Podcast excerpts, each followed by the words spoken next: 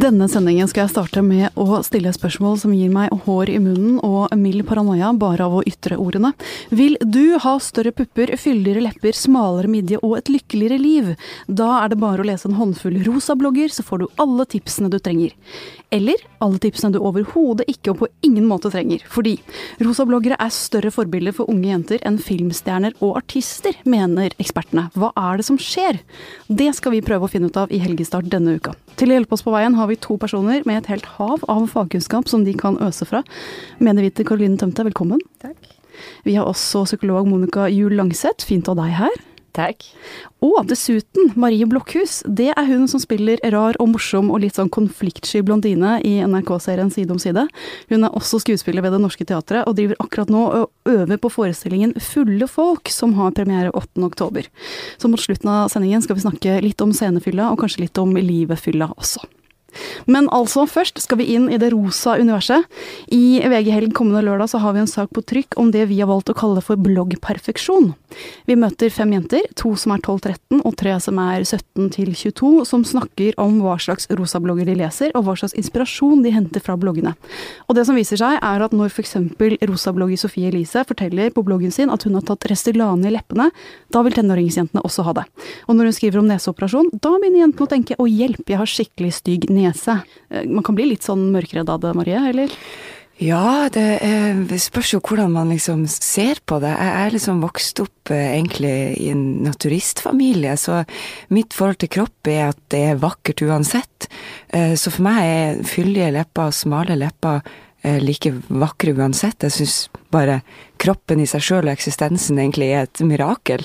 Så jeg, jeg, klarer ikke For meg er det litt langt unna å forholde meg til at jeg skal pumpe noe inni kroppen min for å bli fornøyd. De tingene jeg sliter med, er, er stort sett uh, indre ting. Uh, psykologiske ting som jeg kan jobbe med kognitivt. Jeg tror ikke jeg ville fått det bedre hvis jeg hadde endra på noe fysisk. Eh, og Karoline, hvis vi skal starte litt sånn overordnet. Eh, bloggtoppen i Norge, der er det stor overvekt av kvinner. Hva er det med kvinner og konseptet blogg? Nei, jeg tror nok eh, sånn tradisjonelt så har kvinner brukt internett mer til sånn, kommunikasjon og sosialt enn menn kanskje har gjort.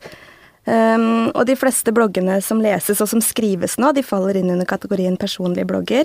Det er det veldig lett å skrive om seg selv som, um, som tema. Uh, og de kan kanskje ses som en sånn forlengelse av liksom, magasinbransjen. Um, altså vi kan lese om gode tips om uh, helse, skjønnhet, trening. Vi kan få shoppingtips, reisetips. Uh, det som er med bloggene, er at de har kjappere oppdateringer enn det magasinene har.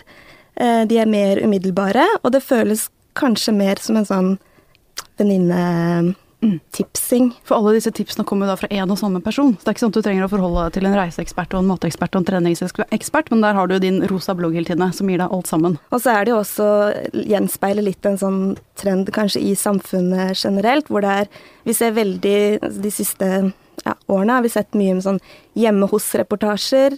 Eh, bli med inn i skapet til tre kule jenter, hva har du i veska? Alle disse tingene er jo det de type personlige bloggene, eller rosa bloggene som de også kalles, gir. Da. Du får masse av de tingene som, som er populære å lese. Mm. Og ganske naturlig så får du jo lyst på akkurat den samme veska og det samme skapet. Eh, og kanskje den samme kroppen også. Eh, Rosa-bloggerne er større forbilder enn filmstjerner og artister for unge jenter. Eh, hvordan forklarer du det?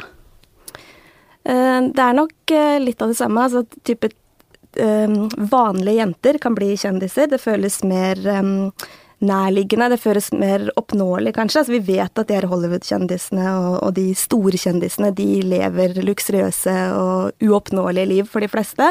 Mens at en vanlig jente kan starte en blogg, få massevis av lesere, eh, og det genererer liksom, mer aktivitet. Du blir invitert på aktiviteter, events, du får masse modelloppdrag, du får være talsperson for ulike ting. Altså dette liksom bare baller på seg, da. Eh, og at det føles mer oppnåelig, kanskje, for en leser enn et filmstjerneliv gjør. Mm. Du kan bli en stjerne på den rosa himmelen, rett og slett. Mm.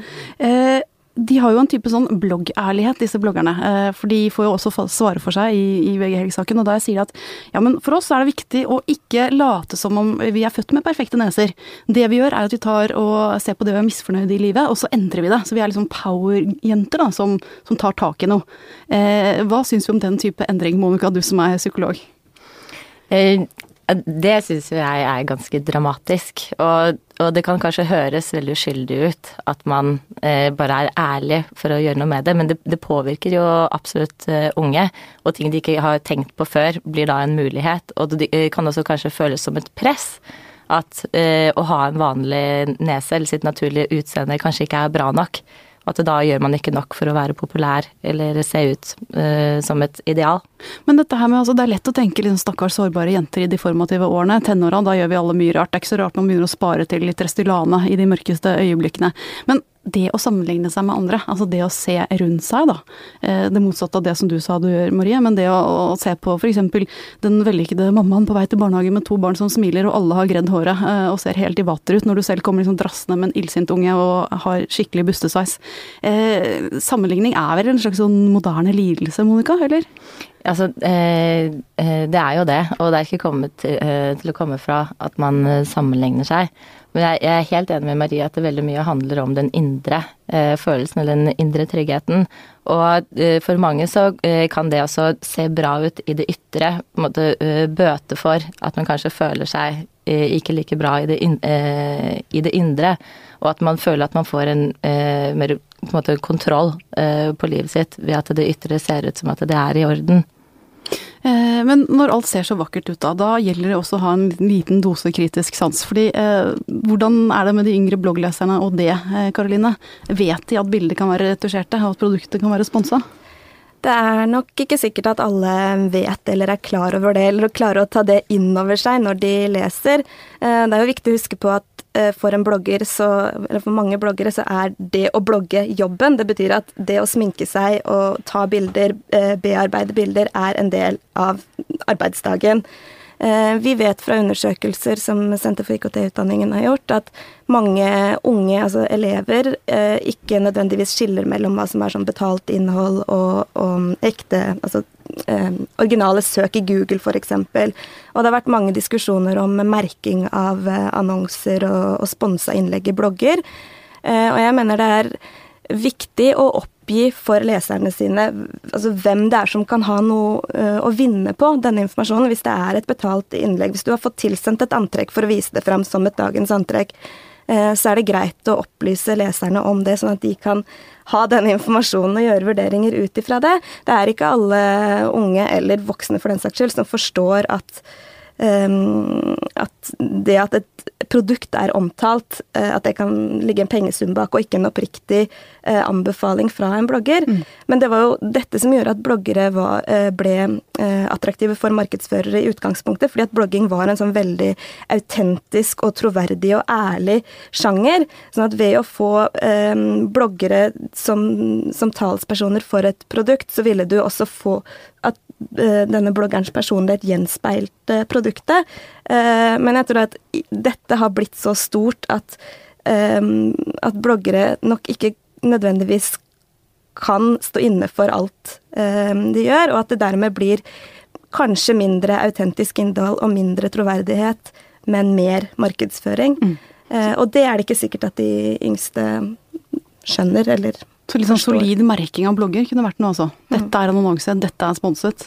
Og det er det jo regler om. Um, ja. Men de følges ikke vel alltid? Ikke alltid, nei. Og det er nok kanskje vanskelig å sette seg inn i det. Og mange bloggere har nok blitt store og blir rollemodeller uten at de kanskje så det for seg eller var forberedt på det. da. Mm.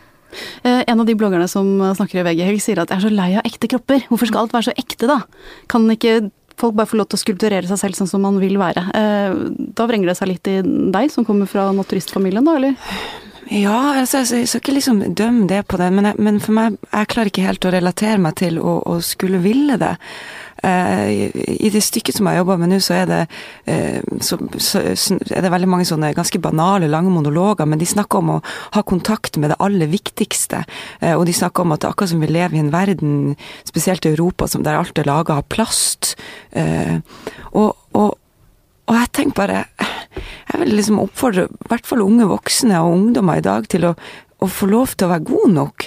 Jeg syns liksom ikke at det er lov til å være god nok lenger. Man skal, vi sammenligner oss med hverandre og leter, speiler oss i hverandre etter egenverdi. Men egenverdi må man finne i seg sjøl, og, og, i den relasjonen man har til seg sjøl og sitt eget selvbilde. Så jeg vil oppfordre istedenfor å gå og fikse på nesa di, gå i deg sjøl og, og tenk på hvorfor er ikke nesa mi god nok akkurat sånn som den er. Mm. Kan du si noe mer om det, Monica? Hva, hva, skjer med både unge og litt eldre jenter om man blir altfor opphengt i at man skal ha en trent kropp eller en pen nese eller noe annet ytre som liksom skal stemme? Hvilke feller er det vi går helt bardus i da? Ja, eh, det blir jo det at man, man, tror at det er veien til lykke. Og, og også at man tror at alle eh, kan oppnå eh, de kroppene som de som har det som profesjonelt yrke og, og trene frem disse kroppene. For de aller fleste så er det jo ikke sånn vi lever livene våre. Og det er heller ikke nødvendigvis sunt å leve livene på den måten. Men jeg vil si til eh, det, eh, du sa med Hun som sa at hun var lei av å se disse naturlige kroppene. Der vil jeg heller ta til ordet for det motsatte. Jeg møter eh, folk som heller sier at det har faktisk vært en skikkelig lettelse. For de følte at det var bare, bare oss som hadde det som kalles for vanlige kropper. Eh, og, og, alle har forskjellige kropper, og, og hvordan fettet fett er eh, lagret ulike steder på kroppen er individuelt, og sånn har alle det. Og eh, jeg møter også unge som sier at eh, de har faktisk fått det bedre etter at de eh, begynte å, å dusje i fellesgarderober på treningssenteret, hvor de kunne se at folk hadde veldig mange forskjellige kropper. Mm.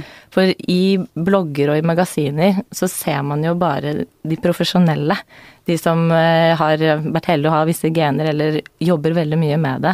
Men sånn er det ikke for eh, folk flest. Og, og, det har gjort at mange sier at de har fått bedre eh, selvbilde, og skjønner at eh, variasjonen er stor, og at de også er bra nok. Mm. Så ta deg en tur i fellesdusjen, rett og slett? Det er fint, og litt sånn som det var før. At, eh, at det er mer naturlige forhold eh, eh, til kropp og variasjon i kropp, og at det er en del av mennesket arten. At mm. vi er forskjellige lengder og bredder og men det som du snakker om, Marie, det her med å liksom se inni seg selv, finne sin egen verdi inni seg, det høres jo veldig fint ut. Mm. Jeg er jo jente selv, og oppdrar to jenter nå. Og jeg tenker den oppskriften der, hvordan liksom si de forløsende ord, eller sette i gang de forløsende prosesser som gjør at man har en motvekt da, til alt det som er rundt dem, og alltid ser av andre ting. Hvordan gjør man det? Man kan øve seg. Man kan, man kan være uh, selvgranskende uh, og, og, observere hvordan man er sjøl i sosiale sammenhenger. Man kan prøve å merke når man prøver å være det andre vil at du skal være, og gå på tvers av egne verdier og egne tanker. Man kan være modig og prøve å være seg sjøl på godt og vondt. Jeg har også masse dårlig selvtillit på ting, og masse angst noen dager, og, men jeg øver meg likevel på å, å tør å kjenne etter hvem jeg er, og, og tør å vise det for andre, selv om det innebærer risikoen for å bli avvist. For vi blir avvist hele tida i masse forskjellige situasjoner. Men jeg opplevde i hvert fall foreløpig i mitt liv som verdt det, fordi jeg sakte, men sikkert får en litt større trygghet på at alle mennesker er unike, eh, og at alle mennesker er gode nok så lenge de kjemper for å være et godt medmenneske, eh, og ikke prøver å være hverandre. Så vær litt raus med deg selv, da, rett og slett. Vær litt raus med deg sjøl, og, og, vær litt snill med deg sjøl. Litt mindre rosa, litt mer eh, guffen og grå innimellom. Ja, det er greit å være det òg, liksom. Så lenge man prøver å ikke være slem med andre. Mm. Ja, det å være snill med seg selv, det syns jeg var et veldig godt stikkord. Man må øve på det. Ja, og selvmedfølelse. Og eh, som man er veldig opptatt av i psykologien også, rett og slett se hvor mye press man selv står under. Mm. Og eh, noen ganger så hjelper det å tenke hvis dette hadde vært min venninne, som hadde hatt dette presset og disse tankene om seg selv, hva ville jeg sagt da? Hva ville jeg sagt til henne? Og syns jeg at dette var rimelige krav hun skulle ha mot seg? Ja. Og, og, da sier jo de aller fleste at nei, overhodet ikke. Mm. Og hun er helt fantastisk som hun er, og jeg vil at hun skal være glad i seg selv. Ja. Og at man øver seg på å bli sin egen gode venninne. Ja. Jeg har også, hvis, jeg, hvis, hvis folk jeg er glad i, sier noen ting stygt om seg sjøl, så blir jeg sint på dem, og jeg blir fornærma.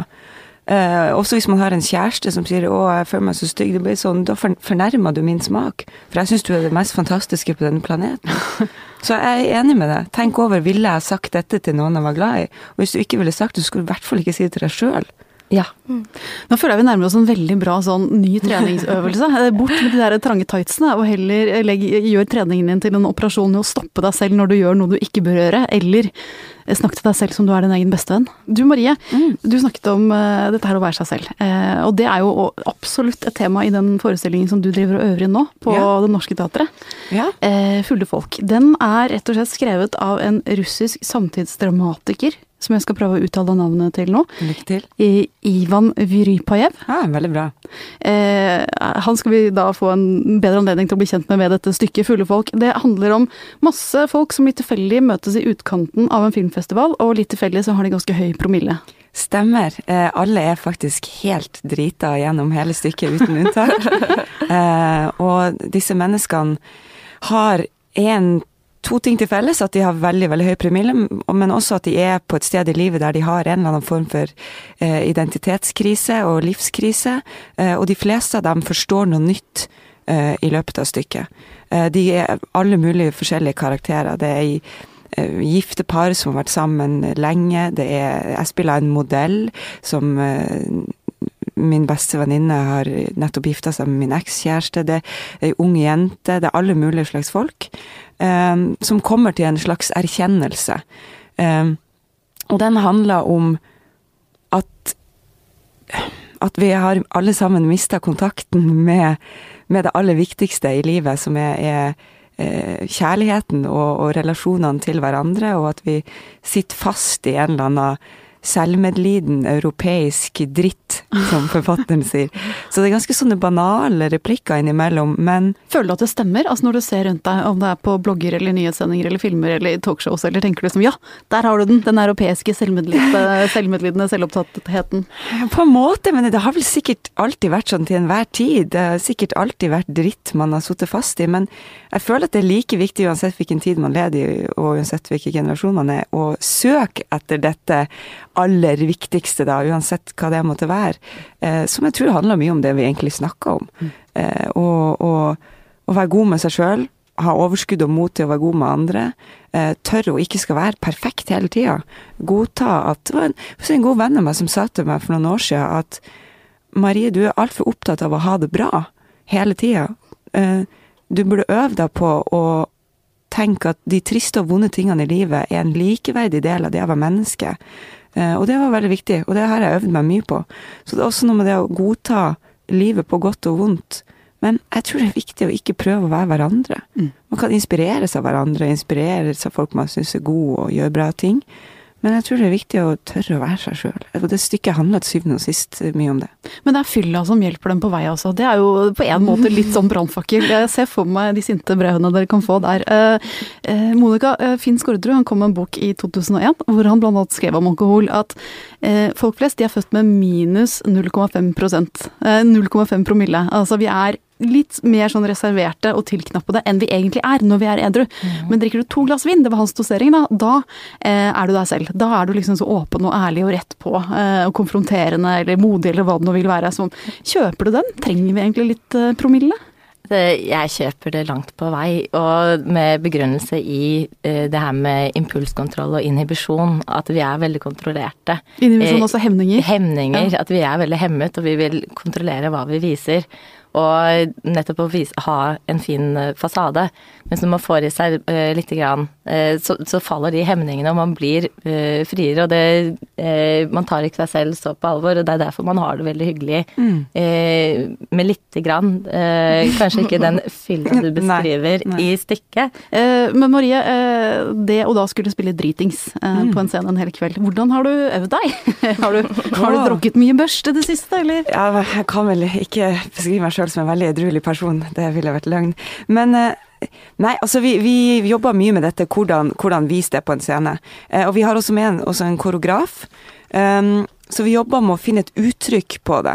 For det er klart, hvis alle bare raver rundt og snøvler og hele forestillinga, så, så, blir det bare én streng. Det som er så fint med, med teater, er jo at man kan stilisere ting og abstrahere dem og, og løfte dem opp til, til eh, noe litt kanskje skeivere enn det de er i virkeligheten. Så vi jobber med å finne et fysisk uttrykk eh, på dette eh, som gjør at folk hele tida blir minna på at å ja, de er jo drita, nemlig. Mm. Men også teksten, altså man sier man, man, sier Altså, jeg sier sånne ting som alle disse moderne forholdene mellom mann og kvinne, det er altså søppel, det er fuckings bullshit, og vi står opp til ørene i denne bullshiten, og vi tror alle på den, og vi Altså, folk har sånne replikker som du skjønner at man ville ikke sagt det hvis man var helt klinkende edru. Mm. Eh, men vi jobber enda, vi er midt i prøveperioden, vi har premiere 8. oktober, så vi jobber enda med å finne uttrykket for å være driting. Så velkommen alle som vil se hvordan det går. Men altså, eh, tilbake til dette her med å være pen og stygg. Altså, du sa um, Du spiller jo en modell, sa du. Uh, men ja, en, ja. en dritingsmodell. Ja. Man kan tenke seg et litt sånn spenn der, fra den uh, edru modellen som er veldig perfekt, og så i fylla, da, så blir hun kanskje litt mindre kontrollert også utseendemessig. Mm. Ja, jeg skal ha sånn skikkelig sånn trang kjole og sånn veldig høye sko, og så skal jeg få sånne lange negler og, og alle sånne ting. Så der blir det en slags litt en kontrast som nok kan bli litt deilig dekadent, mm. Men hva liker du best å spille? Liker du å spille de pene typene, hvor du kan liksom vet at du ser bra ut når du går på scenen og alle sammen sitter og ser på deg, eller er det liksom friere å spille de stygge rollene hvor snørra renner litt og er det mer sånn Ja, nei, jeg er ikke så veldig opptatt av at folk skal synes jeg er pen. Jeg er opptatt av at folk skal synes at jeg er dyktig og snill og gjør mitt beste. Men eh, det er jo et litt sånn masochistisk yrke, dette her, for man er jo Det blir litt sånn Vent litt, vent litt. Skal jeg både drepe mine egne barn og dø av kreft og skyte min egen mann? Yes! sånn at det er klart, man vil spille i rollene som har mest mulig problemer. Eh, og det er også veldig interessant å, å forske i de tingene man ikke forstår, og, og det man kanskje oppfatter som ondskap. Sånne roller syns jeg det er veldig fascinerende å, å, gå i, så jeg vil heller spille heks enn prinsesse. Mm. Mm. Er, eh, får Marie gjennom yrket sitt rett og slett en gratis dose eh, terapi? Altså det å påta seg roller og spille utsider, tror du det? At hun hun slipper å ende opp på ditt kontor fordi hun gjør det på scenen? Eh, det høres definitivt ut som eh, Marie bruker veldig mye av sin tid for å sette seg inn i hvordan forskjellige mennesker har det, og ulike menneskeskjebner, og at det sikkert gir en rikhet. Og også på en måte ha gått i dybden eh, og tenkt på at vi lever veldig forskjellige liv. Så, men det høres også veldig utfordrende ut å dra det til de ekstreme. men det er vel det man også elsker med å være skuespiller, og det er å kjenne på virkelig bredden i de menneskelige eh, følelser og mm. erfaringer og skjebner. Mm. Ja, selv om det er fiksjon, så blir man paradoksalt nok avhengig av en slags hypervirkelighet, hvis du skjønner. Mm. mm. mm. Kan du av og til få litt sånn spagatlidelse? Altså på den ene siden seriøs skuespiller på Det Norske Teatret skal formidle russisk samtidsdramatikk. På den andre siden side om side, hvor det er litt sånn lett og gøy og komisk og slapstick. Eh, blir du forvirra av det, eller du, er det deilig med spennet? Du, for å være helt ærlig, jeg gikk ut fra teaterskolen i 2010. Jeg må liksom klippe meg i armen. Jeg føler meg så dødsheldig som får lov til å jobbe innenfor så eh, forskjellige deler av yrket. Jeg syns bare det er kjempegøy. Jeg, synes, jeg spiller også nå Hamlet på Norsk Teater, og det er virkelig motsatt av side om side. Men jeg føler at det på en eller annen måte speiler hverandre og, og gir hverandre eh, forskjellige typer energi. For altså, komedie og tragedie er egentlig for meg akkurat det samme. Det handler om å være sann i det arbeidet man gjør.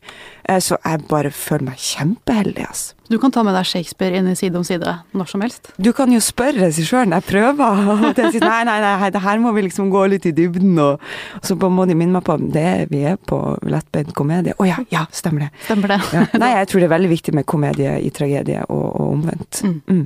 Er det noe med denne Fulle folk som du virkelig gruer deg for? Er det en scene som du på en måte tenker wow, det er, det er den store utfordringen, eller er det noe som blir ekstra gøy? Eh, høydepunktet, på en måte? Hmm jeg, jeg, er veldig spent på møtet med publikum, fordi vi har jo sånne prøveforestillinger før vi har premiere for å teste ut på publikum. Og, og det er akkurat som du, man ikke kan forstå hva man har laga før publikum er der. Fordi man speiler det i dem, og ut ifra deres reaksjoner så er det sånn Å ja, ok, det er dette vi har laga, ja. Ok, jeg forstår. Og det er jeg veldig spent på i dette tilfellet, fordi det er veldig morsomt, men det er også grusomt. Disse menneskene har det helt forferdelig. Mm. Så jeg er veldig spent på uh, balansen mellom komedie og tragedie her.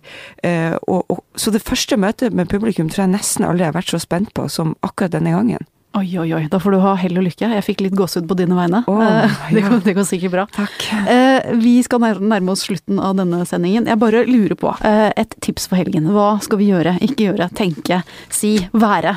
Eh, Karoline, du først. Jeg syns at vi skal gjøre noe vi virkelig har lyst til, og ikke noe vi syns vi burde gjøre. Eh, Monica?